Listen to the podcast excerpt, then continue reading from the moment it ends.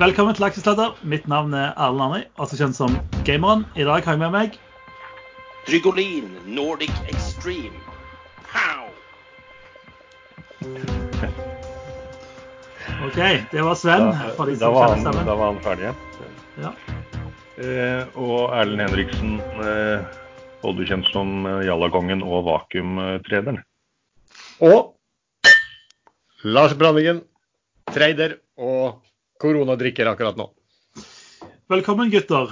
Eh, Dette er jo en eh, søndagsepisode fordi eh, været er fint og det passer ikke på fredag. Eh, Om episoden blir litt rar, så er det fordi at når det er søndag og fint vær, så må man jo ha noe godt i glasset.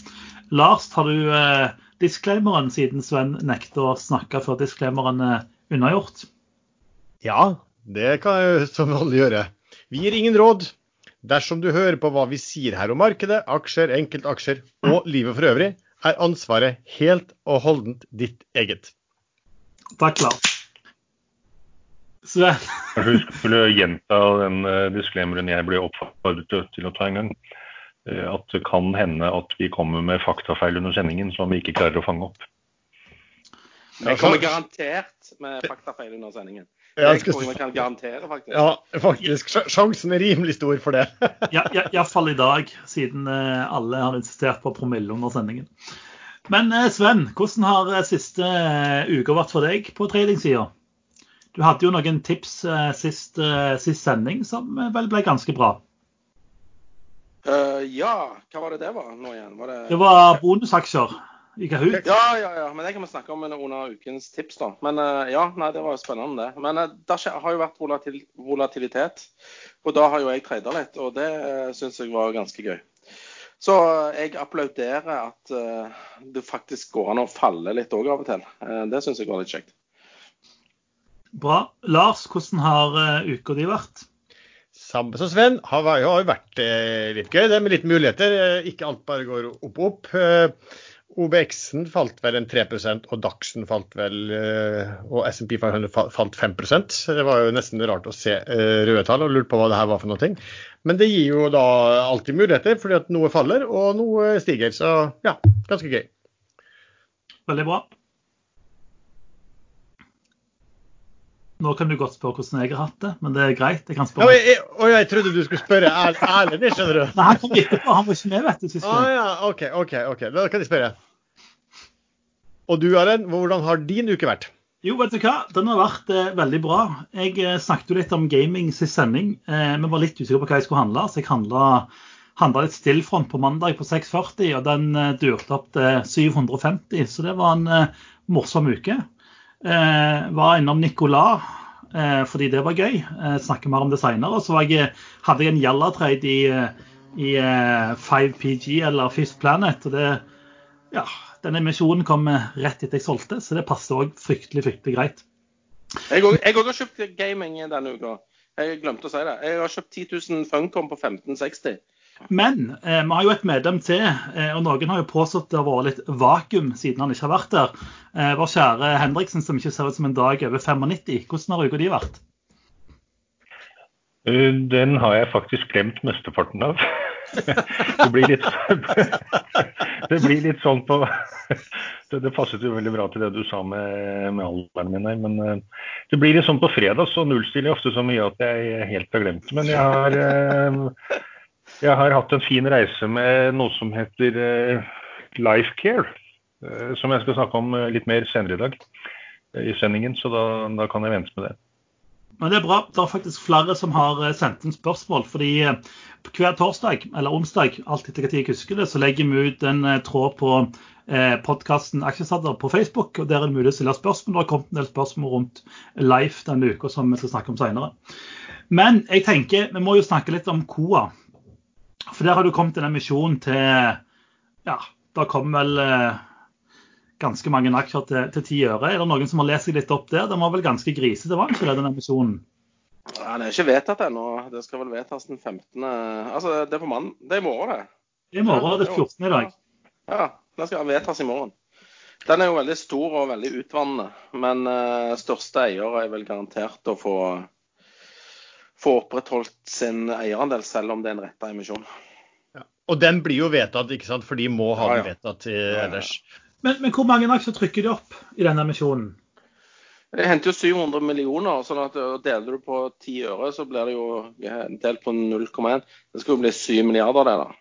Ja, så de har, altså de har 448 millioner aksjer i dag, og de får 7 milliarder nye aksjer. Og kursen er fortsatt 65 øre. Er det noe jeg ikke har skjønt, eller er det på en måte Ja, du har tydeligvis ikke skjønt vakuumteorien. Korrekt. Ja, Men den funker jo, den. Det er ikke noe tvil om det. Ja. De aksjene har ikke kommet gjennom de 7 milliarder som eh, kursen selskapet tredes på dagens antall aksjer. Ja. Og Det vil de gjøre ganske tett opp til, eh, til aksjene kommer. Eh, og Det skal først vedtas på generalforsamling, og så skal det Prospektet vil jeg tro har de har laget nå, det mener jeg at jeg har lest. Hvis ikke så kommer det ikke den emisjonen før etter at prospektet er godkjent, og før etter at aksjen er registrert i Brønnøysund. Mm. Så det er eh, veldig få aksjer i selskapet nå i forhold til det som kommer, og da går kursen som en jojo. Selv tok jeg et ganske stort bet på at den skulle gå opp. Eh, Men så gikk den ned til under 60, og da solgte jeg jeg så hvilken retning den tok. Heldigvis eh, på 60-tallet. Men etter det har den vært oppe i 0,80 igjen, så det, man skulle bare ha holdt. Men det er vel på mandag generalforsamlingen her, er ikke det? I morgen? jo.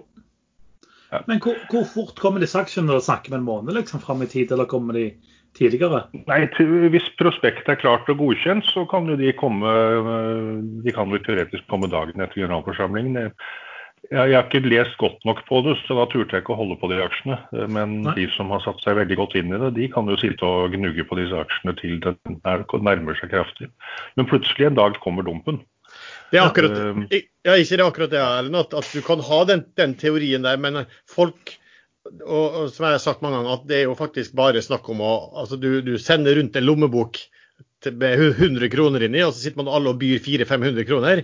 Eh, og så sitter man og venter på hvem er den siste som er dum nok til å kjøpe det på den prisen, og når begynner folk å kaste kortene. Og det er jo litt sånn eh, Folk vil jo Du får jo nobelprisen i økonomi for den, eh, den teorien din, Erlend, for det er jo ingen som har formulert før. Og, og så er det jo sånn at Nei, men, det man, det man, ikke- man, man vet jo liksom ikke når altså Folk begynner jo å frontrønne fordi at de vet at her kommer, folk til, her kommer det til å komme en dump. Så når må å, når må man begynne å selge da, for å komme seg ut av dette eh, som egentlig blir et uføre for noen? Vakuumteorien, eh, Erlend. Du kunne funnet, altså eh, basert på empiri, da, altså tidlig, tidligere um, events av denne her vakuumsaken, og så bare funnet det perfekte salgstidspunktet. Tenk, du kunne jo blitt millionær på dette. Hvorfor delte du den med alle, Erlend? Du har ødelagt hele forretningsmodellen din der. Ja, Det er sikkert noen andre som tar nobelprisen i den. Men nå, nå finnes det jo ikke noen nobelpris i økonomi. da. Eh, Det finnes en pris som deles ut samtidig som nobelprisen. Ha, det visste dere ikke. Nei. Men eh, når vi snakker om emisjoner, det har jo vært ei, uke med mye emisjoner og pengehentinger. Eh, jeg nevnte jo, eh, jeg hadde jo en Jalla-trade denne uka i Fifth Planet. Eh, de meldte jo emisjonene dagen etter jeg solgte. Heldigvis hadde jeg bare en intradag-trade. Eh, har du lest litt på den, Erlend, den emisjonen, siden du har fulgt den aksjen? Eh, Jeg eh, glapp et øyeblikk. Hvilken aksje snakket om? Eh, Fifth Planet. Ja, den ble jo eh, Det, det er jo den aksjen som hadde dødsspirallån når han ble helt ned til 30 øre, var det vel. Og så ble lånet ikke sagt opp, men eh, långiver, eh, en av de store aksjonærene og Fifth Planet Games, de ble enige om å, å stoppe og kansellere resten av lånet. Eh, og de aksjene selskapet hadde til gode, de ble utstedt nylig, og selskapet fikk disse og løste da inn shorten de lå inne med. Så det ligger ikke noe short i Fifth Planet Games nå. Og så stakk kursen opp til eh, nesten fire kroner, tror jeg. 3,70 eller noe sånt nå. Og så kom emisjonen på én krone. Eh, men der er det et par ting i den emisjonen. Eh, de som satt på aksjer på kursen lå vel på 2,30-40 da den meldingen kom. Mm. Eh, De regnet jo med et kjempetap, og noen fikk panikk tenker jeg, og solgte med en gang. Men eh, man må eie aksjer 3.7 eh, for å få tegningsretter. Og det er vel ca. 0,8 tegningsretter per aksje man har. Så det vil bli et lite kjøpspress på den for de som ønsker tegningsretter i den aksjen. De har dette Vikings-baserte mobilspillet som kommer utover sommeren. Pluss at vakuumteorien spiller der også. Det kommer ikke en eneste ny aksje før eh, etter, eh, etter at tegningsperioden starter, eller er avsluttet. Vi er vel ute i august, tenker jeg, før disse uh, nye aksjene kommer. Men, men, er det ikke litt er, er det pga. tegningsrettene at de på en måte har annonsert at kursen blir ei krone? For normalt så bare vi kjører emisjon, emisjonen er fulltegna, tjo hei, aksjene kommer neste dag. Eller er det fordi det er tegningsretter at de må annonsere at tegningskursen blir ei krone? Her har du vel ikke fått noen villige storeiere til å gå inn og ta nok aksjer å kjøre en rettet emisjon. Det er vel ikke en rettet del i det hele tatt, så det er, det er kun tegningsrettemisjon. Um, og da må denne vedtas på en generalforsamling. Um, de har jo, har jo, sikkert ikke mer enn 10% emisjonsfullmakt, så den er mye større. Hvor stor den er, vet jeg ikke, men den er så mye større enn dagens antall aksjer. De skal hente inn 40 millioner kroner. Så Hvis man ser på det, selskapet har veldig, veldig små, små, faste kostnader. Hvis dette Vikings mobilspillet skulle bli en suksess, eh, så kan det faktisk være at det kan være veldig god butikk å kjøpe aksjer. Den bundet ut på 1,50 tror jeg da, dagen etter meldingen, og så gikk den rett opp til 2,30. Nå sluttet den vel på 2,17 eller noe sånt. Det jeg ser, så det høres litt crazy ut, men man må regne, man må regne gjennomsnittskursen på det man eier og kjøper nå, og det man får i emisjonen, og hva eventuelt aksjen er verdt etterpå. Da har de 40 millioner kroner på bok, ikke noe dødsspirallån, og veldig små kostnader i selskapet. Jeg er ikke noe veldig fan av det selskapet, jeg. Bare prøver å skissere sånn litt teoretisk som, hvordan folk tenker her. Eh, det jeg ser er at det er 61 millioner aksjer nå, og så planen er å trykke opp mellom 35 og 45 millioner nye. Så det blir vel ca. 100 millioner aksjer i det selskapet når de er ferdige, hvis de får fulltegna den emisjonen. Ok, Så da veier jo dagens antall aksjer litt mer enn halvparten i det regnestykket. Rundt ja. 60 eh, Ja. Sven, du eh, fikk jo eh, sist uke var du jo knallklare for noen bonusaksjer i Kahoot. Eh, men eh, så skulle Kahoot òg hente penger. Eh, har du lest litt på hva, hva, som skjer der? Nei, jeg har ikke fulgt med det. Eh, skulle de hente penger, ja. Eh, men det var etter bonusen, det var ikke? Jeg solgte jo ja. på eh, bonusdagen. De har hentet penger. Ja, ja der ser du. De har henta mm. penger. Nei, men Det var jo lurt å, å, kjøpe den på at de skulle dele ut bonusaksjer, og så selge den på dagen de, de delte ut. Men, men er ikke det litt sånn rart å på en måte ja, nå deler vi ut bonusaksjer, og så går det en X-dato, og så et par timer etterpå så er det bare By the way, vi skal hente masse penger. Det høres I mitt hode så stinker det litt, eller er det på en måte en helt legitim måte å hente penger på? Ja, aksjen hadde jo gått om masse. Altså, ja, det, det vet jeg. Det er jo kjempelurt å sette emisjoner. Ja. Det var, det var jo bare snilt at de venta til bonusaksjene var på plass. Helt, det er faktisk helt legitimt. De har faktisk, altså Bonusaksjer er jo egentlig hva skulle du si, Hvis du sier det, så kan du si at det er en slags eh, veldig lignende en, eh, en splitt. Ja. Ikke sant? In the end. Uh, og at noen splitter aksjer og aksjen går opp, og at man henter penger etterpå, er på en måte helt legitimt. Aksjen har gått uh, veldig bra, og det som er smart på selskap som har sterk kursoppgang og, og, basert på veldig høye framtidsmultipler, det er å sørge for hele tida å ha en veldig bra kasse. Mm. Eh, den kan de bruke, kan de bruke den også til eh, andre selskap, og kjøpe, og kjøpe eh, gode, andre gode selskap. Så ikke noe problem med det. Nei, og, og Nell kommer, kommer snart en emisjon i Nell òg. Mest sannsynlig. Ja, skal vi prate, Siden du, eh, du sprakk Nell-bobla, skal vi prate litt om Nell. For Nell og Nicola har jo hatt en, eh, en interessant uke, har de ikke det, Sven? Eh, jeg har ikke fulgt med på denne Nicola, men jeg har registrert at kursen har gått opp. Ja. Og det har vel Nell òg gjort. Og alle aksjonærer i Nell må jo være kjempehappy med dette her. Men de må jo Altså, selskapet trenger jo penger til å vokse, så det er ikke noe hydrogenbombe om eh, det kommer en emisjon snart? Men det er en liten bieffekt av Nicola-oppgangen. For eh, da, da Nicola laget avtale med Nell forrige gang, så, så, var en del av avtalen at Nell skulle kjøpe Nicola-aksjer for 5 millioner eh, dollar. Ja, de har vel tjent graps på disse? Ca. 50 millioner kroner. Nå er nå en verdi på ca. 1 milliard kroner, som har gått 20-gangeren. kjempebra. Men Men, eh, eh, spørsmålet er om de kan eller vil eller tør å selge. Men vi snakket jo om den Hindenburg-ulykken eh, i forrige episode, husker jeg. Og, ja. du var jo om bord der, eh, Erlend, og var en av de overlevende. Hva syns du om å fly med sånn hydrogenbasert uh, uh, uh, drivstoff?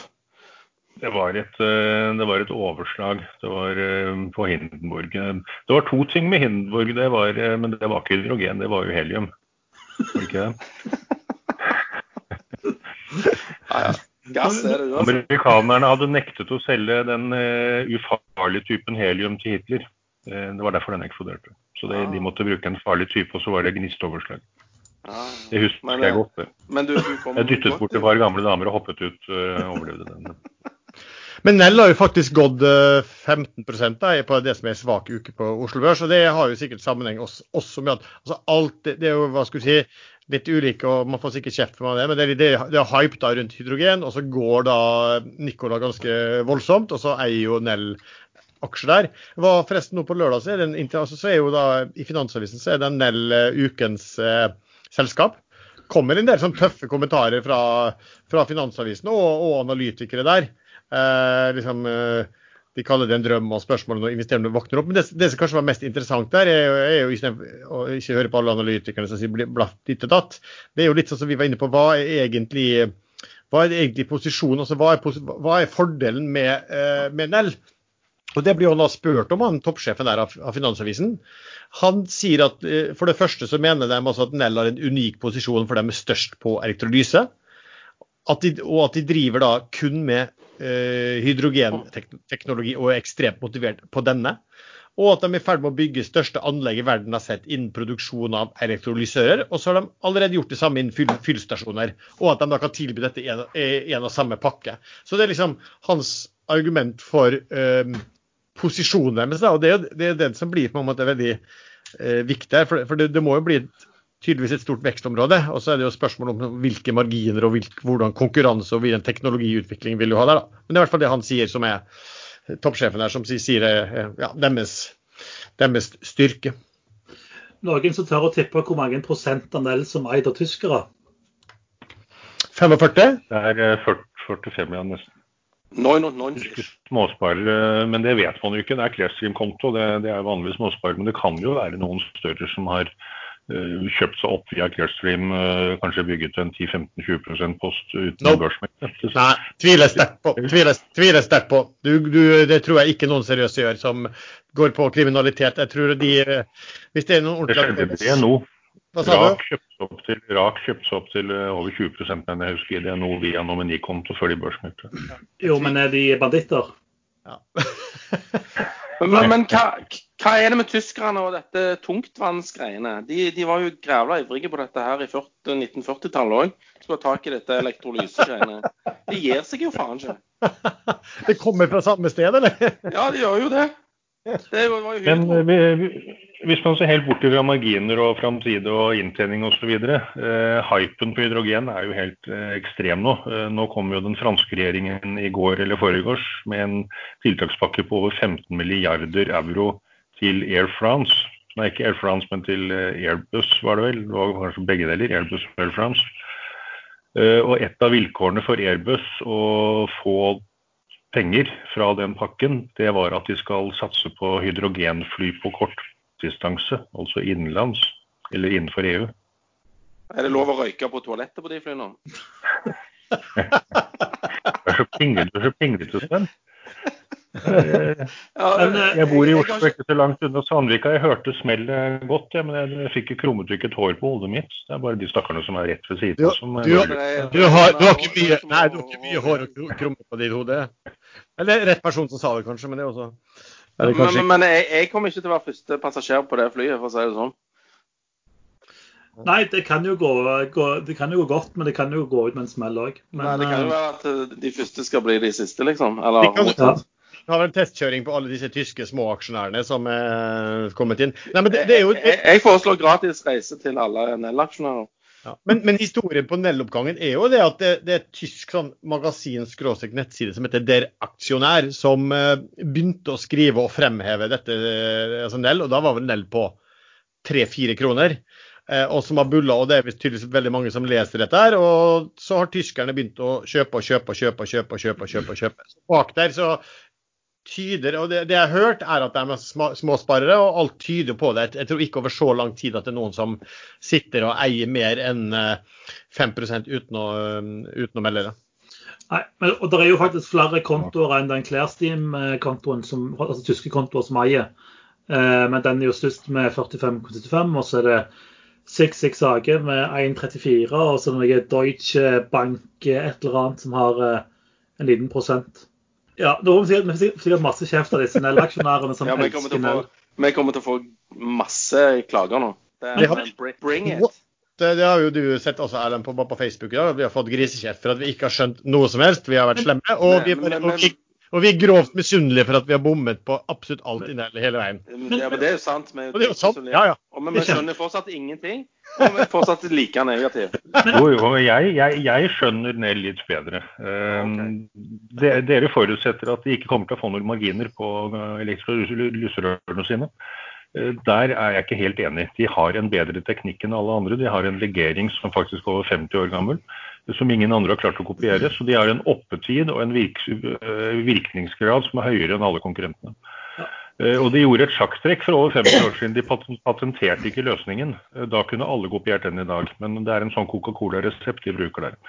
Men det Nell kan gjøre, som, eh, som, de burde gjøre, med alle disse milliardene de kan hente inn pga. aksjekursen er så høy, det er jo å kjøpe noe som faktisk har marginer innenfor et, et segment som passer til hydrogen. Men, og da er jo plutselig saken en helt annen. Ja, og det er det som er fordelen med å få en sånn etter mitt syn i hvert fall ganske hype-prising, det er jo at du kan bruke Du, du har fått deg en råsterk valuta som du kan hente penger på, og du kan bruke altså aksjer til å kjøpe andre ting som blir interessante. Og Det har vi sett før, at selskap som har vært hype-prega, har vært veldig flinke til å bruke den kraften de har fått av høy aksjekurs og, og stor interesse, til å kunne kjøpe og, og, og, bygge seg opp på det. Så må jeg bare si at Vi snakket om om vi er så veldig negative til marginer. For min del så må jeg bare si at jeg vet ikke eh, hvilke marginer de kan få. Men det jeg konstaterer er at det er i hvert fall innebygget forventning på basert på i dag.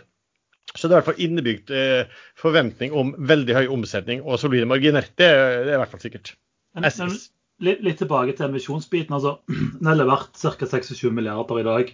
Om de kjører en emisjon på 10% så vil være en veldig liten emisjon. Så er det 2,5 milliarder de kan handle for. Men eh, tilbake til spørsmålet om marginer.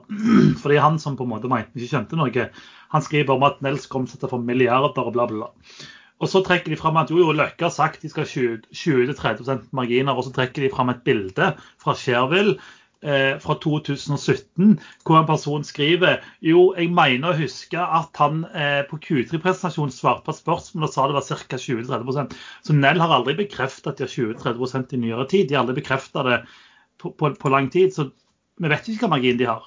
Jeg ser jo bare at i hvert fall han der Statkraft i USA så jeg sier jo at det her blir commodity, uh, ja. og at prisen blir deretter som et prosjektselskap, kanskje. Men hvem vet? altså, det, det, er jo sånn at Sol fikk jo en fantastisk flott utvikling. Men mm. REC har det jo gått til helvete med. Så du kan faktisk sitte i helt riktig eh, bransje, men eh, oppleve at du ikke tjener de pengene som eh, man tror på. Men det blir i hvert fall veldig spennende å se hva som skjer da med, med, med hydrogen. Og det som Erlend sier, jeg har jo helt rett til å si at man må faktisk følge med godt med når politikerne begynner å dytte hardt. Da, ja, da sitter de i sweet spot. Det er jo denne um, Parisavtalen ligger i bakgrunnen. og Eneste måten å oppnå kravene i Parisavtalen det er å gå over til et hydrogensamfunn. Jeg kan ikke se noen annen løsning på det. Nei, altså, jeg, jeg kjøper argumentet ditt, men jeg syns likevel det er litt skummelt når på en måte små aksjonærer som på en måte sier nei, nei, dere har feil, for dere har ikke peiling. Men de klarer ikke å presentere et regnestykke annet enn at de kommer å få milliarder. Og det eneste halvveis dokumentasjonen de har, det er en eh, sidekommentar fra en presentasjon som er over tre år gammel. Da tenker jeg at da har du ikke gjort mye due diligence som investor. Da, da lever du relativt farlig i forhold til hva selskapet guider sjøl og, og sånne ting. Men for all trenger, du, trenger vel egentlig ikke gjøre noe due diligence før aksjen begynner å falle? Nei, det kan være, men, men problemet er at uh, hvis du ikke selger, hvis du tror dette skal til 100 kroner, sant, så sitter du der og så Nei, samme det. Nok. Men det vil, jeg må bare nevne, i den, siden jeg satt og så på den Finansavisen-artikkelen, som DNB sier jo da at hvis du forventer langsiktig årlig vekst på 22% en positiv utvikling i margin opp til 11 ingen nye utvannede emisjoner, så er selskapet basert på en PE på ca. 70, basert på estimatene i 2030. Så, det, så, så, så det er altså, da er det jo da er det jo basert eh, på ganske kraftige eh, forventninger. Selv om kanskje langsiktig årlig vekst på 22 det høres kanskje ikke så veldig mye ut eh, hvis det skal ta det området. Da. Du kommer til å få masse hatmail nå, Lars. Nei, men jeg, jeg, jeg siterer bare DNB. Så ja, men det, det må du, du må ikke gjøre det. Send det til DNB.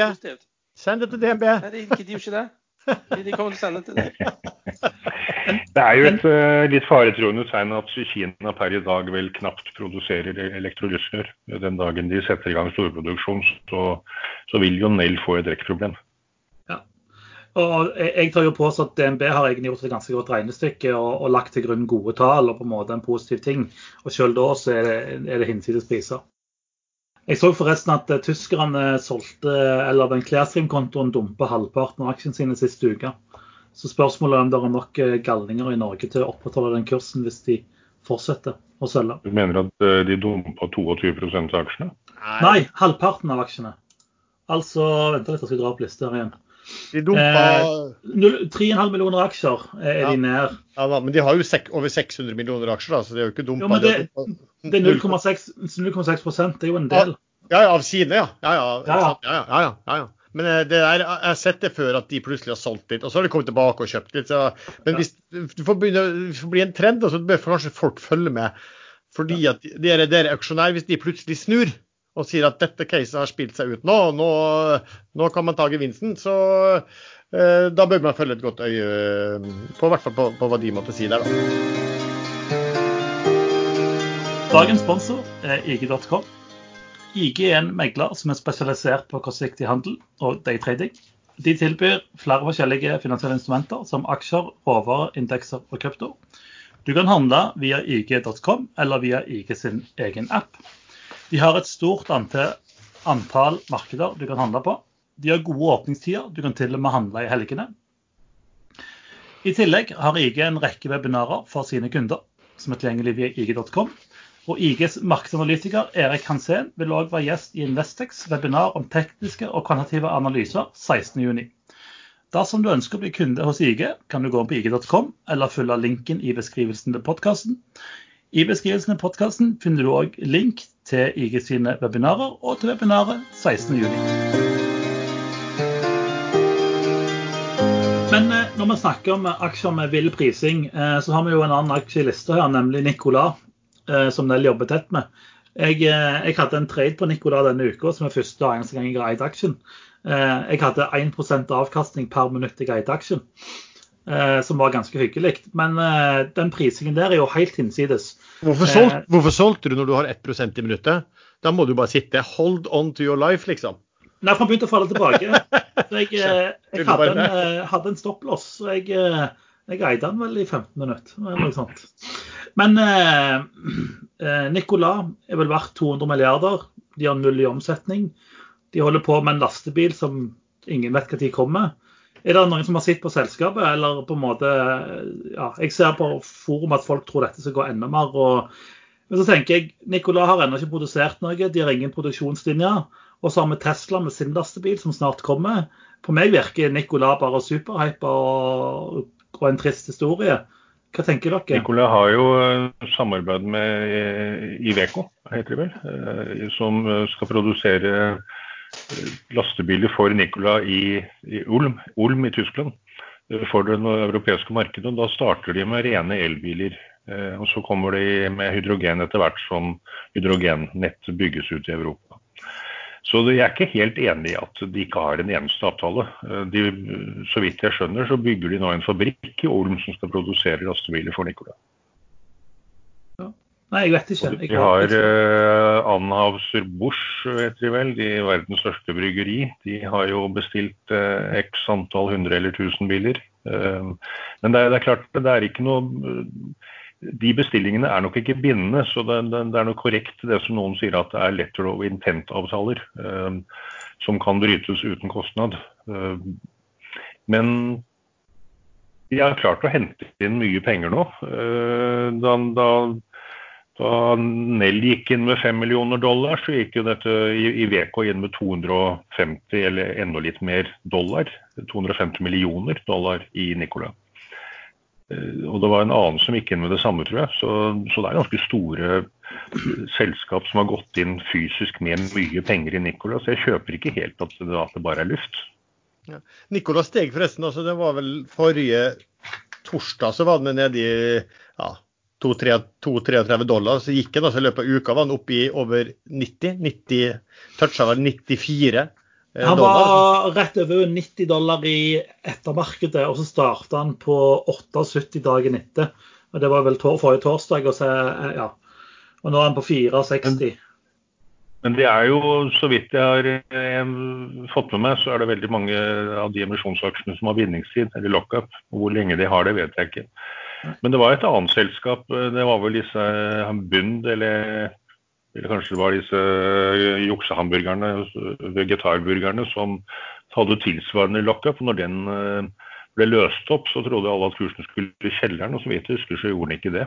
Eh, Men Nicola prises jo også Den prisinga som de nå hadde, er jo over hva Ford prises til, f.eks.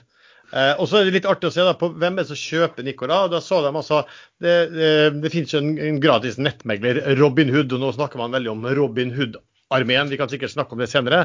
Men der er det antall som var inne i Nicola økt på noen få dager fra 10 000 til 125 000. Eh, men så kommer det den litt sånn morsomme her. Det er jo at eh, på Nicola de har jo en opsjon også. altså NKLR et tikkeren der. ikke sant? Og så har du noe som heter NKLAW. og Det er altså en warrants, en opsjon på Nicola. Og den opsjonen har strike eh, 11,5. Eh, og den eh, opsjonen, altså NKLAV, den prises altså nå til 23. Det vil si at eh, og du kan vel begynne å tiltre den fra eh, om tre uker fra nå. eller sånt. Så du kan også kjøpe den da, med levering om noen uker for i underkant av 35 dollar. Samtidig så prises den i hendes den i markedet til 64 dollar. Så det er sånn, og Da har jeg vært i kontakt med noen som spør, som er veldig sånn OK, jeg har vært kritisk til at vi har snakket dritt, eller det var du eller som snakka dritt på Strøm om Nicola eh, sist gang, for du ikke tro på det. Men så sier jeg det, OK, hvis du eier Nicola, du eier aksjen og tror på den, Hvorfor selger du ikke da Nicola og kjøper opsjonen? Så får du jo nesten dobbelt så mange aksjer i løpet av eh, to uker for samme pris. Eh, det er jo et sånt mysterium da, hvordan det, det kan skje. Ja, litt av forklaringen her er vel at eh, jeg forsto at på Robinhood så kan du ikke trade eh, Nicola, altså den opsjonen, den warranten, den kan du ikke trade på, på, på Robinhood. Det jeg kan nevne, det er en side som heter robintrack.net. Eh, der kan du tracke antallet Robin Hood-eiere i ulike aksjer. Eh, og Hvis vi da ser Nicola, eh, og vi ser 8.6, så er da kursen 35,97. Og det er 33 000 Robin Hood-eiere som, som eier aksjen. Jeg skal legge ut et skjermbilde på, på den gruppa vår på Facebook òg. Og så ser vi neste dag, altså 9.6. Da er det plutselig kursen 73,29, altså dobla seg. Og da er det 77 000 Robin Hood-eiere. Og i dag er vi da oppe i 140 000 Robin Hood-eiere. Så det er ganske interessant å bruke den, fordi den forklarer en del eh, amerikanske aksjer som går helt, helt, bananas i forhold til at eh, ja, Robin Hood-folket hopper inn og egentlig eh, gambler. Men eh, du Sven, du har jo sjekket opp litt rundt Robin Hood. fordi Det som er spesielt med Robin Hood, er at det er null kortasje. Eh, så det er veldig lett å bruke den og trade. og og mange bruker nok Robin Hood istedenfor å spille på, på, på, sport, som det ikke finnes noe av. Og Du fant ut noe interessant egentlig rundt Robin Hood. Altså de, hvor tjener Robin Hood pengene sine? Eh, det, det, er vel mildt sagt eh, litt skittent, syns jeg, da. Nei, det er, jo, det er, jo, enkelt. Robin Hood tar jo fra de rike og gir til de fattige. Så det, har, eh, det er jo Robin Hood kjent for. Så det er jo ikke noe nytt, dette her. Men Robin Hood virker vel egentlig omvendt. De tar vel penger fra de fattige, altså brukerne sine, og gir til de rike. Men ikke du fortelle litt Jo, du Jo, det, det, er faktisk sant. Eh, nettmegleren Robin Hood, ja. ja. Den du snakket, Jeg trodde du snakket om handlerne fra Nottingham. Jeg. Ja. Uh, nei, uh, nettmegler, ja. ja. Vet du hvordan de kan ha, liksom, tilby handel til null kortasje? Og de er ikke alene om det. TD, TD Ameritrade i USA gjør akkurat det samme. Eh, tilbyr gratishandel. Eh, og, og måten de tjener penger på, de selger alle ordrene sine. Altså de selger ordreflowen sin til et stort uh, algohus, som da kan frontrunde disse ordrene og da selge eventuelt bare holde eller selge tilbake til Robin Hood-eierne med en bitte liten margin. Sånn at den orderflowen med så mange kunder er jo gull verdt for, for noen, da. Og, og, og Robin Hood-eierne får jo da en kickback fra dette algohuset. Så det er en genial, genial forretningsmodell. Så, så de selger... alle, alle, tror de handler gratis, og det gjør de jo, men de får dårligere kurser enn de eventuelt ville fått hadde de, hadde de fått handle direkte på den beste børsen.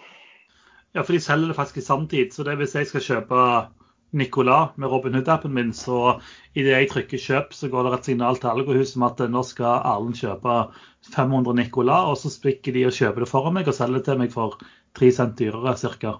Ja, og det, hvis de gjør dette på mange nok transaksjoner, så kan du jo You do the math, liksom. Det er store beløp vi snakker om. Eh, det er faktisk skrevet en bok om dette, her, høyfrekventhandelen. Eh, Flashboys tror jeg den heter. Eh, så jeg fant den i hylla mi. Men, fant den ikke. men de, har, de regner på i den boka hvor mye eh, denne frontregninga koster markedet. Det er ganske mange titalls millioner per dag i, i, på en måte penger. Hvor koster jo ikke markedet noe. Det koster jo det, de som bruker den aktøren som selger orderflowene. Mm. Eh, markedet betaler ikke noe. Men kundene til Robin Hood betaler litt for mye. Ja. Selv om de tror det er gratis. Så da er det faktisk billigere å bruke eh, Nordea sin enkroneskortasje selv det kan, ja, ja, det kan være. Men uh, så lenge ordren ikke går direkte på børs, han går via en omvei, så, så forsvinner det ting på veien, altså. Ja.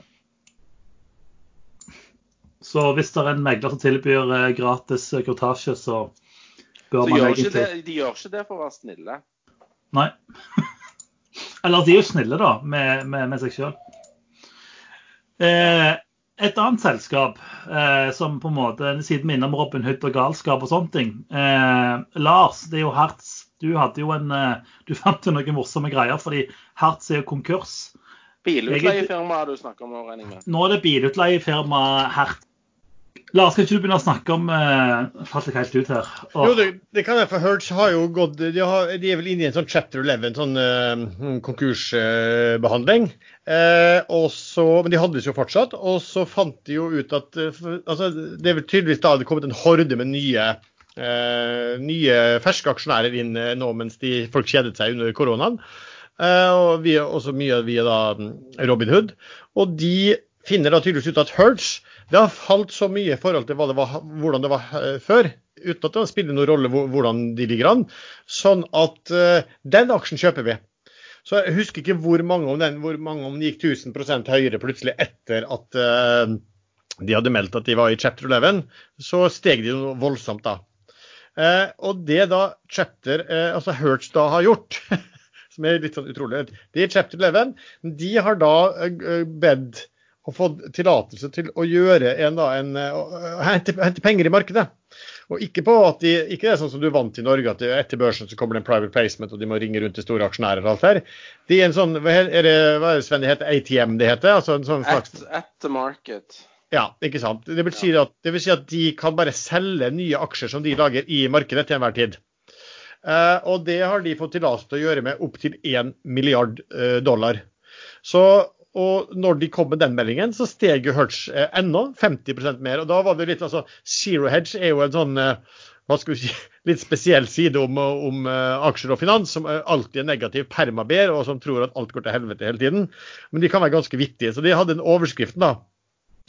Hertz trades 50% higher on plan to sell bankrupt stock to Robin Hooders. Og så kalte de da Zero Hedge kalte de, vanligvis kaller de sånn en eh, IPO, ikke sant? og nå kalte de det for Initial Bankruptcy Offering, og mente det var da første gangen uh, dette hadde uh, skjedd.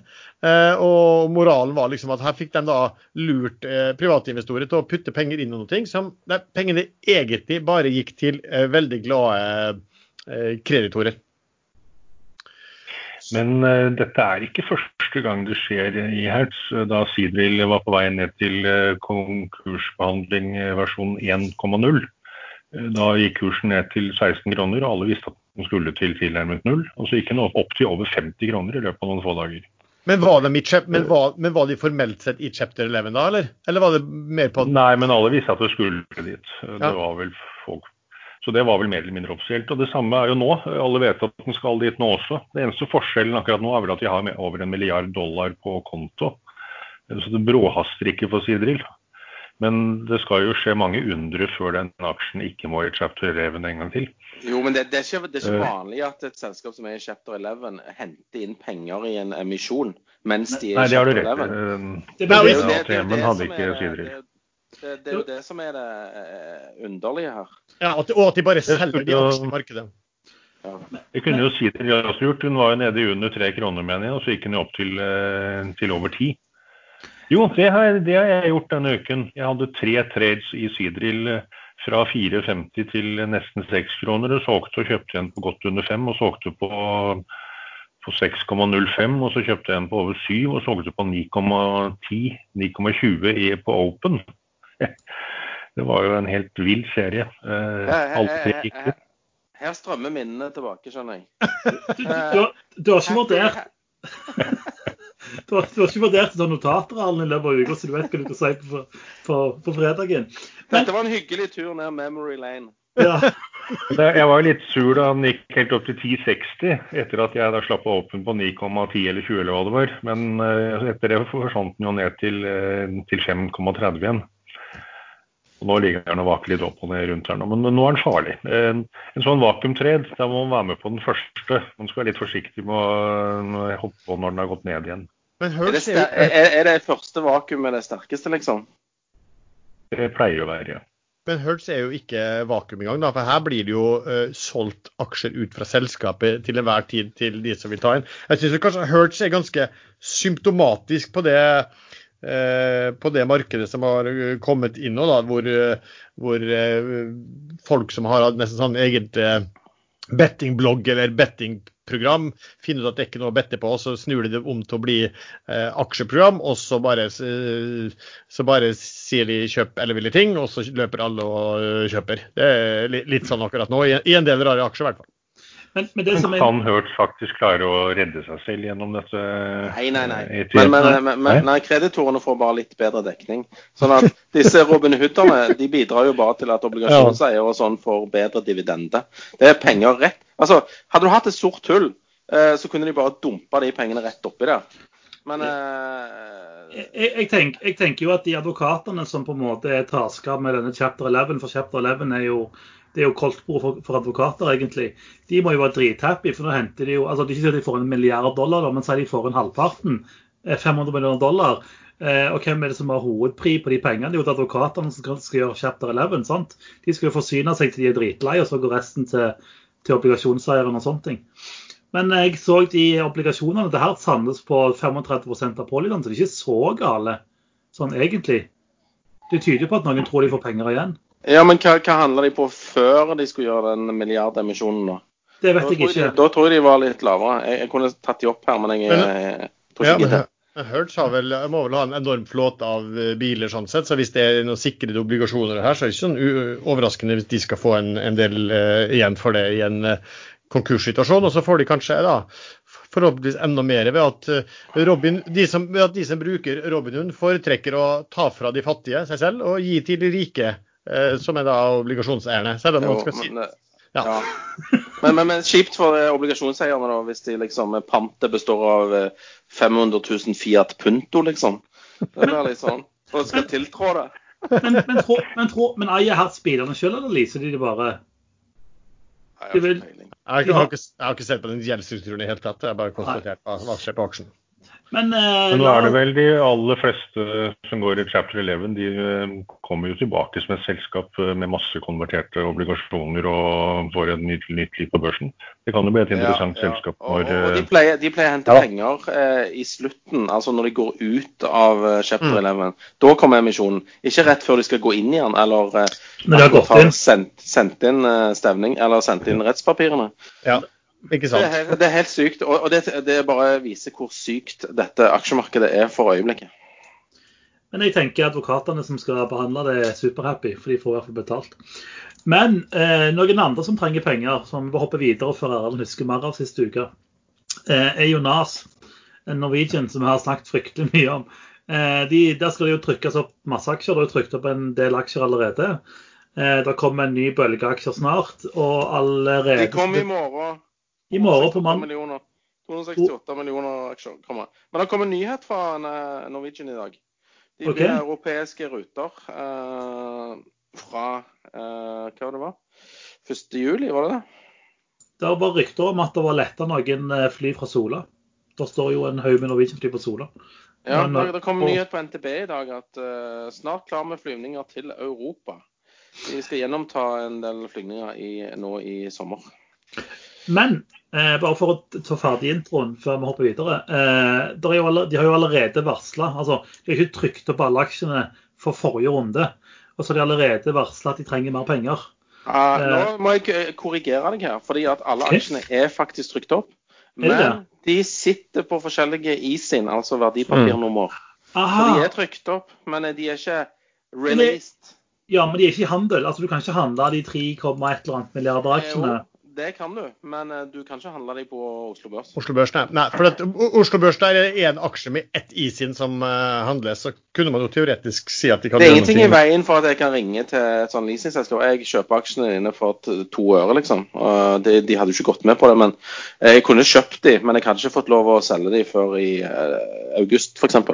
Ja, nei, jeg ser bare nå, nå dro jeg opp Norwegian i innfronten, og da ser jeg at det står jo en sin, men det står 3,1 milliarder aksjer. Men de har sikkert bare slått sammen alle da. Ja, det er alle utstående. utestående eh, aksjer. Ja. Nå har vi jo da Norwegian som et typisk vakuumtredeksempel vakuumtrede-eksempel igjen. Eh, De hadde emisjonen, da kom det masse aksjer ut. Kursen raste til 1,50 eh, fra 3 og etter å ha vært oppå på fem, femtallet like før. Eh, Bråstoppet på 1,50 i åpningen og gikk derifra bare oppover. Um, og den var jo oppe i over fire kroner igjen eh, før den nå sluttet rundt litt over tre nå på fredag. Ja, ja 316, ja. Stemmer. 316. Og nå på mandag da, i morgen tidlig så kommer jo da disse 268 millioner aksjene. og Da er spørsmålet hvor mange av de dumpes med en gang, og hvor mange kommer utover dagen og de neste dagene og ukene. Og Så er det jo ikke sikkert at alle leasing- og båndholdere faktisk selger alle aksjene. Når jeg ser på aksjonærlisten nå, så ser de jo Jeg klarer ikke å skjønne at de skal ha solgt alle aksjene de fikk i emisjonen, ut fra den, de aksjonærlistene jeg ser. Eh, Så jeg tar nok en tredje i morgen, kjøper meg inn eh, på Open. Eh, Blir kanskje med litt ned, men jeg er helt sikker på at den skal over 3-4-5 kroner igjen før alle aksjene kommer i Før den første tredjedelen av resten av aksjene kommer i august. Så kommer en tredjedel til i oktober og en tredjedel til i desember. Eh, på det aksjonærlista du ser, så er ikke alle 3 milliarder aksjene. Det er derfor det ikke gir mening. Ja, det er ikke 10 milliarder, fire, fire totalt, er det litt under fire totalt.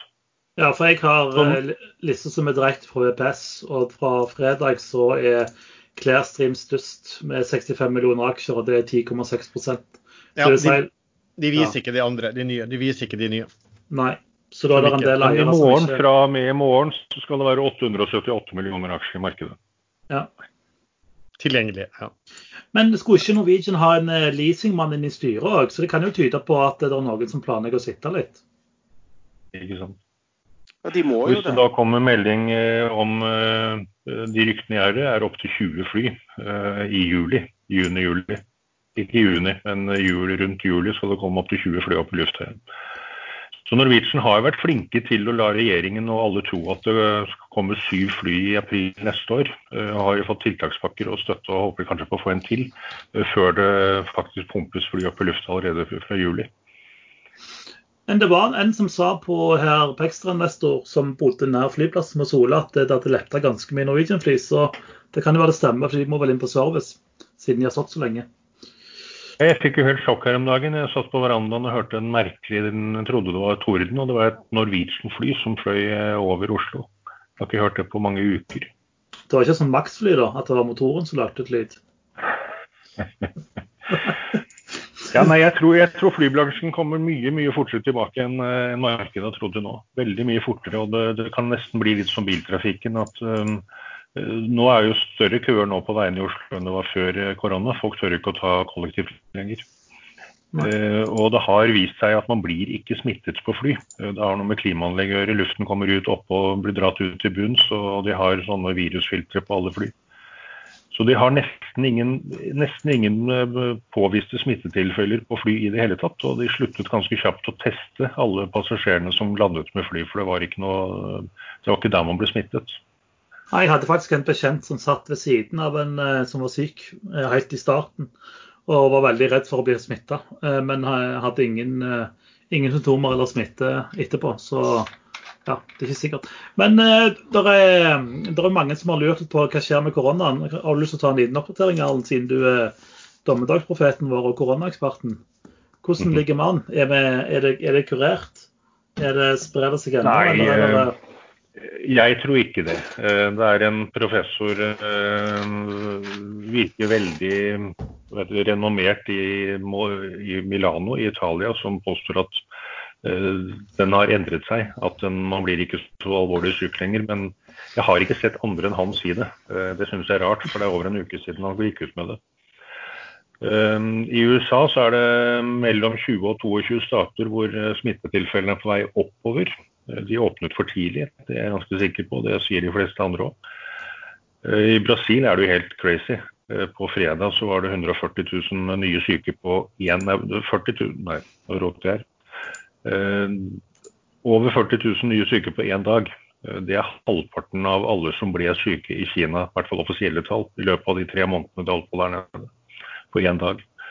Så det Jeg tror det er sånn, øh, det er også lest, at når det blir veldig mange smittet på samme sted, da sprer det seg ekstremt fort. Da, da kommer man kanskje, når man er på kjøpesenteret, så kommer man bort til tre-fire-fem som er smittet, og får, øh, tre-fire-fem virusdoser etter hverandre, og da blir man syk selv. Ja, I Norge har vi nesten ingen smittede, så de som blir smittet, de er kanskje uheldige å bli smittet av én, men får da en veldig liten virusload øh, og klarer seg ganske bra. Jeg er ikke sikkert man får symptomer engang. Men nå er dette en kritisk masse i en by eller på et teater eller en cruisebåt eller noe sånt. Da, da virker det som at uh, veldig mange blir snittet og mange blir mye sykere. Mm, for det var, det var, det jeg mente jeg hadde lest også, at, at de antar vel at det har med mengde å gjøre. Hvis du sitter i et miljø hvor det er mange som smitter, og du sitter der dag etter dag etter dag, eh, så får du mye eh, virussmitte på deg. Eh, og det samme er jo da også for helsearbeiderne, som var, var, i hvert fall i starten fikk veldig mye sykdom. da. Mens hvis du bare... Det er det som tyder på det. Ja, Både antall sykehelsearbeidere og antall døde helsearbeidere, og også ganske unge leger og sykepleiere. Eh, viser at det er noe helt annet når man blir ofte utsatt av mye smitte. Mye mm. smitte. Mm. Et annet spørsmål, Erlend. Jeg leste at AstraZeneca de har inngått avtale med en rekke europeiske land om å levere en vaksine. Man snakker da flere hundre millioner doser. Men det er vel ingen vaksine klar? Altså, Er det bare media som skriver det rart, eller har du lest noe opp på det? det, det man burde vel kanskje nå i dag ha fått med seg at en, en vaksine skal gjennom først prekliniske forsøk, og så fase 1, 2 og 3. Og så kan man kombinere 1 og 2 og 2 og 3. Man kan kjøre det ganske mye raskere nå enn man kunne i gamle dager, for de har både datasimuleringer og de har Særlig nå er det tilgang til veldig mange syke rundt i verden, eh, så man kan kjøre mange tester samtidig. Eh, men den avtalen den er for så vidt reell nok, den. De begynner å produsere vaksinen før den er ferdig testet. Eh, og hvis det viser seg på veien at den vaksinen faktisk hadde noen bieffekter som var litt uheldige, f.eks. at man dør av den, så kommer de da til å hva heter det for noe, ikke makulere, men å ødelegge alle disse dosene. Så de tar en sjanse på at det er bra, eh, og lover å ikke bruke den hvis den ikke blir bra. Men der tror jeg man skal være litt forsiktig med Jeg er absolutt ikke noen antivax-person, men å pumpe i seg en vaksine som er ganske uttestet uh, fordi disse store multinasjonale selskapene skal uh, tjene mange milliarder på å få den fort, først ut til markedet. Der tror jeg jeg kommer til å være ganske forsiktig med å være den første som tester en sånn vaksine. Men Erlend, tror du, for du har snakka om det før, tror du nå kanskje at uh, viruset har utspilt sin litt sterk rolle på børsen, eller tror du fortsatt det kommer en sånn kjempenedtur pga. viruset? Hvis man får Sao Paulo-tilstander i flere storbyer i USA, og det kommer tilbake til Europa også, eh, da tror jeg det blir et megatrakk på børsen. Eh, Jo, jo, men det er visst. Men, der er tilstanden nå sånn at uh, på kirkegårdene så graver de opp nå alle som døde for mer enn tre år siden for å få plass til nye døde. Um, da, da begynner det å bli litt vilt. Um, men jeg skjønner ikke helt hvorfor de, hvorfor de ikke har kommet krakk til. Det er jo enormt mange selskap i hele verden som allerede har gått konkurs eller kommer til å gå konkurs, eh, som ikke overlever dette uansett hva som kommer av tiltakspakker. Og den kundegruppen, de de forbrukerne, de er borte. De småprodusentene som før tok imot eh, produksjonen fra store selskap og videreforedle dette, de er borte. Så hvordan skal, dette, hvordan skal vi få til dette uten at det kommer en, et stort krakk på børsen? Jeg skjønner ikke. nå har jo de, mange av de som er arbeidsledige fått mye penger. Jeg så vel I USA så var det jo slik at mange av dem hadde mer penger nå, eh, ut ifra det de hadde fått fra, fra staten. Nei, Det løper vel ut da i slutten av juli. Men, men det, har vært gitt, det har vært gitt mye penger. og Det, det forresten var en, en sånn undersøkelse som viste hva, hva pengene hadde gått til. og Da var daytrading av aksjer var, var, jeg tror det var nummer to eller tre på lista av hva de hadde brukt med pengene pengene også Hva, hva var nummer én, da? Jeg tror, tror jeg det var rett og slett bare vanlig sparing. Vanlig sparing, ja. Men- her. Nå har vi, vi har jo snakket litt om Robin Hood, og vi har snakket om eh, Ja, du begynte å nevne folk som har daytrader i USA. Eh, jeg hadde en liten runde med et par meglere, eh, meglerhus for å sjekke litt er det mer aktivitet. og De som typisk jobber mot retail, sier at det er mye nye kunder. Og de som ikke jobber mot retail, sier at det er økt aktivitet. Og så ser vi jo sosiale medier. Der er stappfullt i folk som på en måte har gjort 500 på den aksjen og 1000 på den aksjen og, og sånne ting. Nærmer oss toppen, eller? Er det på en måte grides eh, altså, Mitt inntrykk er når vi kan lese om tante Olga på 75 som har slutta å være pensjonist og daytrade i Dagbladet. Da er vi liksom klar for nedturen. Hva, hva tenker dere? Nå begynner det å komme litt er- sånne artikler som Når disse Jalla-oppgangene stopper, så bråstopper de. Eh, Det var jo en periode i fjor høst hvor det var helt likt. Eh, Og så bråstoppet det. Eh, Kom en eller to til i romjula, så skjedde det ingenting mer før i, i mars. Når alt det andre raste, da var det et par såkalte koronaaksjer som gikk veldig bra. Og plutselig begynte alt å gå bra. Men det var vel Bluechip som dro i gang først, og så kom eh, disse Jalla-aksjene etterpå, hvis jeg ikke husker feil. Nei, Jeg husker ikke. Jeg spør dere, jeg. Hva tenker du, Søren og Ja, Lars? det er, er, er, er toppen. Altså når på en måte Robin Hood klarer å få Hartz til å gå 1000% nesten, eller 800% og de klarer å hente en milliard dollar i konkursbehandling ved å selge aksjer til galninger.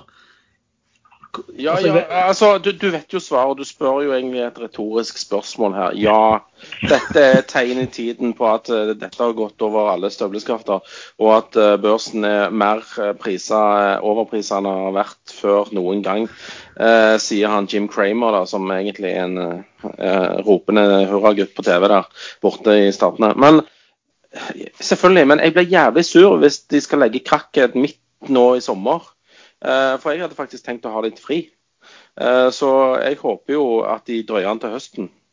Sånn at eh, vi liksom kan få et vanlig krakk sånn i september-oktober, og så, sånn som vi pleier. Altså, Vi har ufordelaktig arbeidstid uansett, og om de plutselig skal begynne å ta ferien vår òg, det syns jeg er urettferdig. Ja. De bør faktisk time et krakk litt bedre enn som så. Ja, jeg synes også det. Men i forhold Men tror du du kommer til å få veldig stor sympati ut når du som D-treder sutrer over tilværelsen? Eh, Ja, jeg, eh, altså, ja. Vi får jo ikke lønn heller. Det, dere, dere tenker ikke, eller det er ingen som tenker på det. De tror vi får lønn. Vi får ikke lønn. Bare, jo- bare kostnader, liksom. Ja. Bare kostnader. Ja, det er regnskap og alt mulig revisjon og alt mulig sånne ting. og dette har kjøpt ny markise òg nå, så skal jeg ikke få brukt den da, fordi at uh, vi skal ha kjøre børskrakk i fellesferien. Det, det går jeg ikke med på, altså. Men er, men er du så sikker på at det kommer noe krakk? Nei, eh, det må skje et eller annet. altså Vi kan ikke holde på sånn som dette her framover. Uh, Men- eh, det må jo komme et, et eller annet skikk. Altså, økonomien kommer jo til å bruke mye lengre tid enn de mest optimistiske tror, tror jeg, da. Nå er jeg sikkert altfor pessimistisk igjen, men jeg ser jo at dette kommer til å ta litt tid til å få tilbake til normalen. Dr. Fauci var ute og sa kanskje om et år så kan vi få tilbake eh, mye av normaliteten. Altså det er et år, det. Trump sier vel at tredje kvartal skal bli kjempebra. Uh, så jeg, jeg, tror ikke på Trump, jeg tror mer på dr. Fauci. Mm. Men altså, tingene, det er jo valg i november. Så spørsmålet ja, men han, han, han, vil jo Ja, selvfølgelig. Etter økonomisk nedgang så er det jo game over for Trump. Ja. Han må jo eh, fake en oppgang eller noe. Ja, men da er spørsmålet, skal de på en måte Ja, når vi snakker om fake oppgang altså De her eh, arbeidslivstallene sist gang var jo faka. Og det innrømte de jo, men de ville jo ikke korrigere dem. Men, men klarer Trump å holde altså Alle skjønner jo at enten så må de holde gang til november, sånn at det krasjer dagen etter presidentvalget, eller så må det krasje snart, så de kan kjøre en ny oppgang mot november. Men hva er mest sannsynlig? Altså, jeg, jeg tviler jo på at Trump tillater at uh, markedet ligger blør når uh, folk skal stemme. Da kommer jo Fed til å fly med helikopter og dumpe penger på valgkøene. Altså, de, må, de kan jo ikke, Han taper jo han hvis, hvis børsen er rød. Men nå må vi ikke. Han, uh, du glemte et alternativ Jeg kan skylde på demokratene. At demokratene tillater terroristene i USA å overta bysenteret. Men nå må vi ikke... Jo, han kan, jo, han kan jo skylde på demokratene og si at de eh, krever at vi holder stengt, og de har flertall for at vi ikke kan åpne igjen. Det er deres feil. Men jeg vet ikke om de kjøper den, altså. Men nå må vi ikke bli sånn krakknisser. Det er ingenting som tilsier altså, Det er ikke noe sikkert at det skal bli noe krakk. Altså, det er litt, jeg er enig at det er en litt sånn sykdomstilfelle når vi ser på hva som skjer med Det kommer masse nye folk inn, og de har egentlig ingenting av interesse om det er verdi.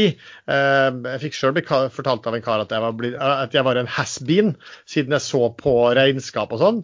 Eh, for det var momentum som gjelder. Jo, men altså, det, det, er greit. Det minner meg litt, det minner meg litt om dotcom. Men så er spørsmål hvor bredt er det her? Er det på en del enkelte aksjer? er det bredt liksom rundt på andre eh, de, de, større selskapene. Det, det, som kanskje kan, kan kanskje bli et problem for Trump. og der så eh, han, Joe Biden fikk et spørsmål, og da skjønte jeg hva demokratene skyter seg inn på. Han sa følgende eh, at jo da, det var jo isolert sett så var det jo selvfølgelig ikke noe dum sak at børsen var høy, sa han. Men når børsen er høy fordi at de har dytta to trilliarder av et eller annet beløp inn i skattelette til selskapene, mens Main Street da sto uten jobb. Eh, da var det et stort problem. Og, og det har jo vi snakka litt også om på, inne på, i chatten på mm, Ekstrainvestor også. At hvis du begynner å få en for stor sprang, da, der de som sitter i aksjer eh, blir rike i det, det, som er ganske skumle og dårlige tider for Main Street, så får du, eh, så får du et problem. Og, og, og, der kommer nok sagt, det, det, tror jeg er ganske taktisk hva vi kommer til å se framover. Og så er det selvfølgelig sånn at Demokratene de, de har vel ambisjoner om å sette opp igjen bedriftsskattene. Uh, og det er jo ikke isolert sett bra for uh, selskap, uh, det heller. Så det, det, det, er et veldig stort utfall her, men at det, må komme noe krakk, det, det, føler jeg på ingen måte at det er ingenting som må. Hva mener du om bortfall av produksjon og, og kunder, Lars? Jeg ser jo at Det kommer litt an på hvor fort man kommer tilbake, men det ser jo ut som ser på Norge, så ser det ut som folk har bare flytta konsumsjonen sin til andre områder. Det som er litt skummelt her, da, og som ikke er opprettholdbart, det har jeg sagt, jeg vet ikke om jeg gidder å gjenta det, men det er klart at alle blir rike fordi at vi bare trykker nye penger. Altså, jeg har ikke jobb, men du kan få penger fordi at uh, staten dytter bare på penger, går med underskudd, og de pengene får de av sentralbanker som trykker nye penger. Sånn kan det jo selvfølgelig ikke fortsette i det uendelige. Uh, det kommer jo, det kommer jo da til å ende ordentlig, ordentlig ille hvis det fortsetter. Men så er det bare spørsmålet Eh, hva, hvilken tidshorisont er det?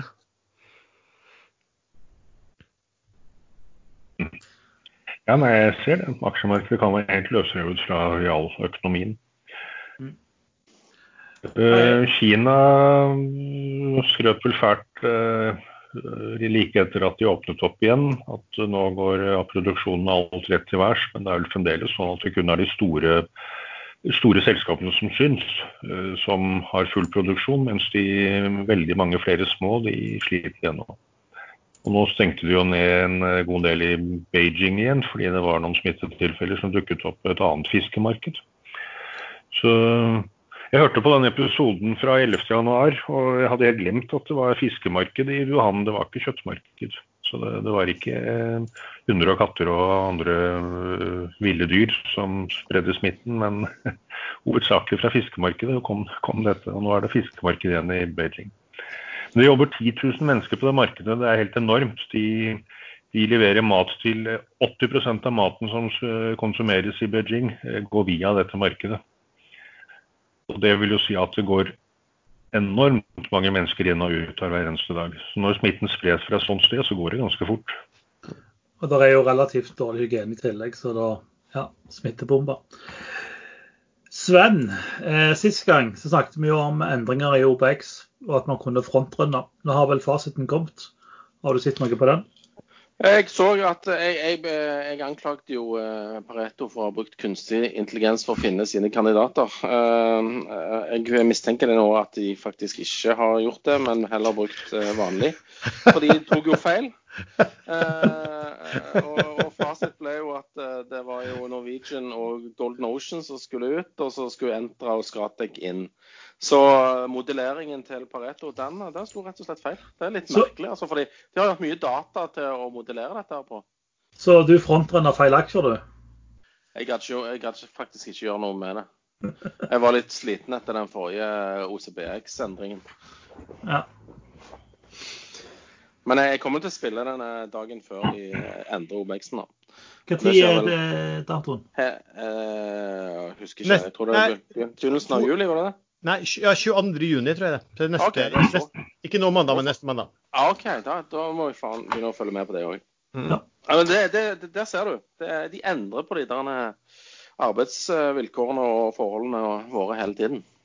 Ja, det er fælt å være trader. Alm har jo fått spørsmål om Life. Og jeg vet du har skrevet masse notater i den andre blokka di. Nei, jeg har alltid i hodet. Jeg husker jeg har veldig god hukommelse. Uh, Lifecare. Uh, norsk selskap det er jo en del år gammelt. Uh, de, de, har kommet langt i uh, et diagnoseapparat for sukker, de som var sukkersyke, som måler da glukose i kroppen. De har en liten sensor, liten måleapparat, som formidler da trådløst signaler til mottakerapparat, enten en enten en smartphone eller en smartklokke, eh, som kan gå videre til eh, sentral eh, anonymisert sted for å samle data, sånn såkalt big data osv. Dette måleinstrumentet er ganske interessant. Det er to sensorer på det, hvor den ene er passiv og den andre er aktiv. Den aktive den smøres inn med legges et sjikt med såkalte antigener, som vil Eh, fange opp reseptorene i de, eh, det de skal teste. Og glukose har vel en eller annen form som gjør at den fester seg til antistoffene på den ene sensoren. Eh, og det lager et lite spenningsendring i forhold til den andre sensoren, og da gir det et utslag. Men det som er det mest interessante, er jo at dette skal jo Dette blir jo lagret i mikroformat, i nanoformat. Eh, det, alt det jeg fortalte nå, det passer inn i en bitte liten brikke som er under 1 kubikkmillimeter. Eh, målet er vel 0,5 kubikkmillimeter, og det er mindre enn et knappenålshode. og Den skal da sprøytes inn i håndleddet, eh, så at den sitter rett under smartlocken. Så nanoteknologi har kommet langt. Det er veldig mye som er i den tostemsfabrikken som da sprøytes inn i kroppen via en eh, litt større nål enn man bruker til å ta blodprøve med. Men det som skjedde her tidlig i år, det var jo at korona kom. Og eh, de, noen kom med et smart forslag. Hva med å teste om man kan måle virus, koronaviruset, på den samme sensor. De gjorde noen forsøk og fant at det kunne man. Og nå har de fått bekreftet det av et av Tysklands, et av verdens største laboratorie, Mangold-instituttet, tror jeg, jeg husker ikke farten. Ehm, men de er sånn på topp fem-liste over eh, selskap som leverer forskningsartikler til eh, i alle verdens forskningstidsskrifter. Så de har bekreftet at dette funker eh, på koronavirus. De tester da ikke antistoffer til viruset. Eh, som de fleste andre testapparatene gjør, men de, tester, de leter etter selve viruset. Dvs. Si at de kan finne det med en gang man blir smittet. Og Den testen gir utslag i løpet av fem minutter eh, på stedet og kan lastes opp til sentrale eh, big data eh, fra en mobiltelefon på stedet. De søkte FDA i USA om godkjennelse i en sånn såkalt haste, hasteferfaren, heter det på tysk. Hasteprogram som FDA i USA har. Og Det har jeg lest meg opp på. Det, de skal gi svar innen 15 dager. Og de søkte helt til slutten av mai. Eh, så jeg vil tro at i løpet av uken så får de godkjennelse for å bruke denne femminutterstesten i USA. De har allerede forberedt masseproduksjon, og allerede i juli så kommer de med mange millioner test testkits som skal leveres ut. Eh, prisen er 60 euro per testkit. Eh, dette selskapet det er tysk. Eh, Lifecare gikk inn med 25 i det selskapet. og Den største andre eieren det er faktisk hele ledelsen og styret i Lifecare, som har 24,9% Og så er det tysk investorgruppe, store, store, tyske selskap og store tyske privatinvestorer som er Eh, som er dette selskapet, og de er da 50,1 um, og, og det selskapet det tok over alle kostnadene for å videreutvikle denne Sensell-teknikken til Lifecare. Så det vil si at de fikk da gratis ferdigutviklet uh, sensoren til uh, sukkersyketest. Eh, så den har de nå søkt en godkjennelse på og begynt å bruke på å eh, teste ut til mennesker allerede i, på, sukkersyke. Eh, I det tyske selskapet, som da Leifger er 25 av, så har de også søkt om godkjennelse i EU. Det gjorde de for et par dager siden, og det er også en sånn hurtig søknadsprosess.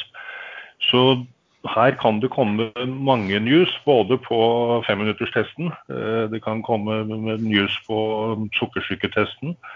Eh, og det kan komme enorme sakstall, flere millioner tester ganger 60 euro eh, av Det og 25% av det til Lifecare. Da, da begynner man å, å, snakke om en helt annen market cap enn det selskapet har i dag. Det er ca. 80 millioner aksjer, og kursen ligger nå på drøye 4 kroner. Så rundt 300 millioner market cap norske kroner er det nå i selskapet. Eh, der er market, sky high. Market capen er 350 millioner. Men, eh, hvor, ja. men de trenger heller ikke penger. Eh, de, de planla en emisjon i et andre halvdel i år, men i og med at uh, da dette tyske selskapet som heter Digital Diagnostics uh, tok hele kostnaden for å videreutvikle CNCL-teknikken, så trenger de ikke noe med emisjon i år, har de sagt. Men hvor mye, hvor mye, penger skal tyskerne ha for denne 60 euro-duppeditten? Nei, Det aner jeg ikke, men eh, alle sånne diagnoser, når det først er ferdig utviklet, så å produsere sånne ting koster nesten ingenting. Det er, det er utviklingskostnadene som koster. Men, men er der, eh, vet vi noe hvor, mye, hvor mange tester klarer de å levere? De skal levere flere millioner tester allerede i juli og kommer til å sette i gang masseproduksjon som de kaller det til høsten. Ehm, eller ganske snart etterpå. Det første planen var til høsten, men det ser ut som at vi nå har forsert dette litt. Og Man vet jo korona, det er en femminutters tester. Eh, man snakker jo om eh, mange hundre millioner tester som trengs, eller kanskje til og med milliarder rundt i hele verden. Men hvordan, hvordan utføres testen? Slipper du å stappe den av pinnen langt inn i nesen og bak i halsen? Nei, de henter, de henter, eh, på samme måte så henter de eh, spytt eller eh, fuktighet fra nesen eller langt bak i ganen. Ja. Hm. Men det går på fem minutter, og det er det ingen andre søster som tilbyr. Og de finner viruset. Ikke, i, i, prinsippet så veier de faktisk viruset. De har to sensorer, og når det virus låser seg til en til antigen på den ene sensoren, så, så, er det vekten av viruset som gir et, et spenningsutslag som gjør at vi kan påvise det med en gang. Det er ekstremt fascinerende teknikk. Og som Lifecare har sagt, dette her kan de, den testmetoden det kan de bruke på alt. Det er ikke bare på glukose og på koronavirus, men på absolutt alt. Og de fleste molekyler og virus og alt annet de har jo sin egen molekylvekt, eller hva man kaller det. Så man vet nøyaktig hva man måler. Og det antigenet som smøres på, det er, det er, jo spesifisert for å finne akkurat det de leter etter. Så dette kan bli helt enormt, og du trenger ikke penger. Og aksjekursen er nå ca. midt imellom eh, all time low all time high. Lars, har du, har du noen ukers tips siden Sven gikk i, i poddebua? Eh, ja, egentlig eh, et par ting. Eh, det ene er faktisk eh, Kanskje hopper jeg stjeler noe fra indeksbiten til Sven nå, men når, når Entra gikk inn i indeks, så kjøpte jeg en del av det. Så den har egentlig ikke utviklet noe sånn spesielt bra etter koronaen. Falt ganske mye. Henta seg litt igjen, men ikke sånn veldig mye. Så jeg satser på at den får en sånn hyggelig ja, liten hyggelig på en, på en ukes sikt fram til de skal inn i indeksen. Og så andre er jo da selvfølgelig at, som jeg sa i stad, altså hvis du eier Nicola og tror at Nicola skal bli bra på litt sikt, så skal du selvfølgelig selge Nicola og kjøpe Nicola ved Nicola Warrants. Da, får du, da selger du noe for 63-64, så kjøper du noen til for 34-35 kroner. Så kjøper du akkurat det samme og får de eh, trada som vanlige aksjer i løpet av en måneds tid eller noe sånt. Sven, noen tips fra, fra deg? Nei. Nei vel. Det, nei, jeg beklager. Det er søndag, og eh, jeg har ikke tenkt så mye på aksjer i helgen. Så Nei. Nei, men det er lov. jeg Lov å ikke ha noen tips. Jeg kan uh, snakke, ta litt gamingtips på slutten, uh, for jeg syns jo gaming er gøy. Eh, denne uka så skjedde det en interessant ting i Paradox med ticker PDX. Eh, på tirsdag eh, så, Nei, jo, tirsdag Nei, nå tuller jeg. Onsdag ble det annonsert at en eier som hadde 4,5 millioner aksjer, skulle selge de til på sånn bookrunning eh, til 190 kroner. Kursen var da 212 svenske. De ble solgt før børsen åpna på onsdag, og kursen åpna da på 190. Som da var ned fra 212 og oppe i 230 for ikke så lenge siden. Eh, Jeg tenkte det var en god anledning å plukke opp rabatterte aksjer, og fikk plukket opp en liten bøtte under 190. Akkurat nå ligger han på 188 eller 187, tror jeg han stengte på. Så, mitt tips er Paradox. De hadde òg eh, presentert litt spill i helga som kommer til høsten, som så veldig bra ut. Så den kan eh, sannsynligvis gå videre. Eh, og du får den Altså no, Noen kjøpte 4,5 millioner aksjer i det selskapet til 190 denne uka. Den lå på 212 i begynnelsen av sist uke, så det er et bra tips hvis du eh, har litt horisont. Eh, ellers så tenker jeg jo at 5PG eller Fifth Planet kan være en jalla-aksje å følge med på. De har to spill på gang, Tintin og Vikings. Vært litt problemer med Tintin, men de har fortsatt lav MCAP. Men hvis du vil ha en liten jalla-trade, så kan den være interessant å følge med på. Noe mer vi burde prate om, gutter, eller er dere ferdigsnakka? Vi har glemt å gratulere Donald Trump med dagen i dag. Ja, hvor gammel blir han? 95? 96? Nei, Det er et godt spørsmål. Par og 70, tror jeg. Man er ikke så gammel. Men det verserer noen videoer av han ute på nett nå. Han var på West Point og holdt en tale. og Når han skulle gå ned fra repoet der, eh, så var så vidt han klarte å gå ned en ikke så veldig bratt trapp. Han så ut som en eh, Det så ikke bra ut i det hele tatt. Han blir- seg ned, og det er jo internettfarsott nå. Han er 74. Ja, men det er faktisk, det er faktisk litt han, han er jo et naut, ikke sant? Så får jeg sikkert hatmeld på det, men han er jo et naut. Og han, da var han så dum da når det kom ut den videoen at han skrev eh, om den, eh, den, den cella, den videoen sjøl, at dette var jo bare fake. At det var, den var veldig bratt, og den var veldig glatt. Han, men han løp likevel de siste tre-fire meterne løp han liksom i godt sprang nedover, da, bare for å vise. Eh, men den var, om den var glatt, vet jeg ikke. Den var, den var, den var rimelig flat. Og han, han stamla, og så kom det samtidig opp et eller annet at han ikke klarte å holde glasset, helle, helle glasset til munnen lenger med, med høyre hånd, så da ble spekulert i alle mulige rare ting. Men eh, så vi har vel da to halvdemente, halvsyke menn da, som skal bli, en av de skal bli president eh, de neste fire årene. Burde vært eh, aldersgrensa på, på valget i USA. Men siden vi ikke har noe mer, og vi har holdt på lenge Nå skal Lars klippe til han blir grønn, så da kan det være episoden blir kortere. Men episoden er nå halvannen time, så får vi se hvor mye som ender på lufta. Eh, vi ønsker å takke alle som har lytta. Eh, musikken er som vanlig lagd av kjørs.com. Husk å gi oss fem stjerner på Apple Podcast. Hvis du ønsker å følge diskusjonen eller diskutere, fortelle hvor teite vi er, så har vi en egen gruppe på Facebook, eh, podkasten Aksjesladder. Der legger vi òg ut en spørsmålstråd før hver sending, så vi tar inn noen spørsmål som passer. Og så takker vi for at du lytta på oss, og så får du ha en fin helg videre. Eller ikke helg, faktisk, det er jo mandag når du hører dette, men du får en fin tradinguke, selv om du er dårlige arbeidsvilkår, ifølge Sven.